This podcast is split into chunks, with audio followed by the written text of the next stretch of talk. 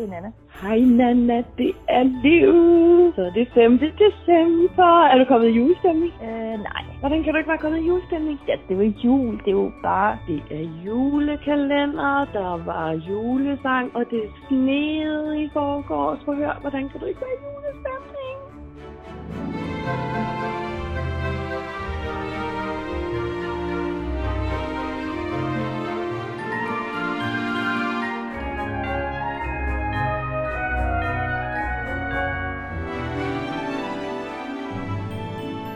Godmorgen, sovetryne. Så er det 5. december, lyder en stemme. Jeg åbner øjnene og ser, at manden blinker til mig.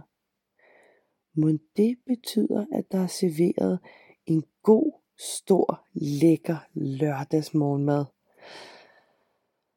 Åh, jeg strækker mig og ser ud på himlen, og jeg ser lammeskyer.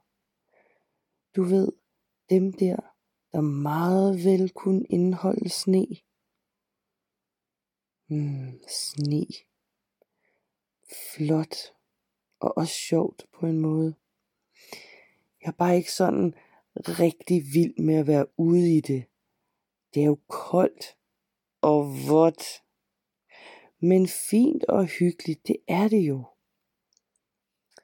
Hende ved genboen ser jeg den gamle handkat strække sig ind over sofakanten. Hans lyserøde snude kigger også mod himlen. Måske han tænker ligesom mig, om der kommer sne. Jeg tager mig lige min tid og spejder op og ned ad gaden, som jeg plejer. Jeg konstaterer, at der absolut ikke er noget som helst interessant at kigge på. Og så smyger jeg mig hen mod køkkenet for at se på det her morgenmåltid. Børnene sidder ved bordet og snakker lystigt om dagens nisserier.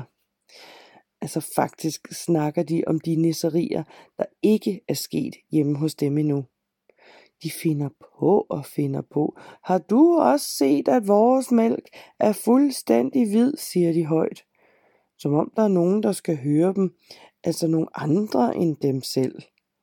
Jeg er lidt forvirret, for damen hun ligger ind i sengen på siden. Jeg ved ikke, om, om hun kan høre det. Jeg tror, manden lige er på nødtoftshuset. Hmm. I dag har jeg planer om at cirkle rundt i kvarteret ved de gamle villager. Altså, hvis ikke det bliver snevejr.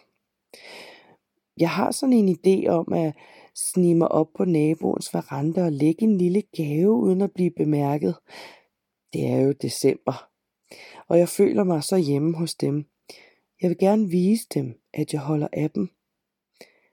Nogle gange så går jeg og samler gaver i naturen og lægger forskellige steder her i kvarteret hos de folk, jeg holder af.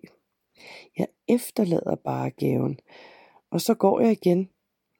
Men nogle gange, når jeg har rigtig god tid, så finder jeg et lille hemmeligt sted og venter.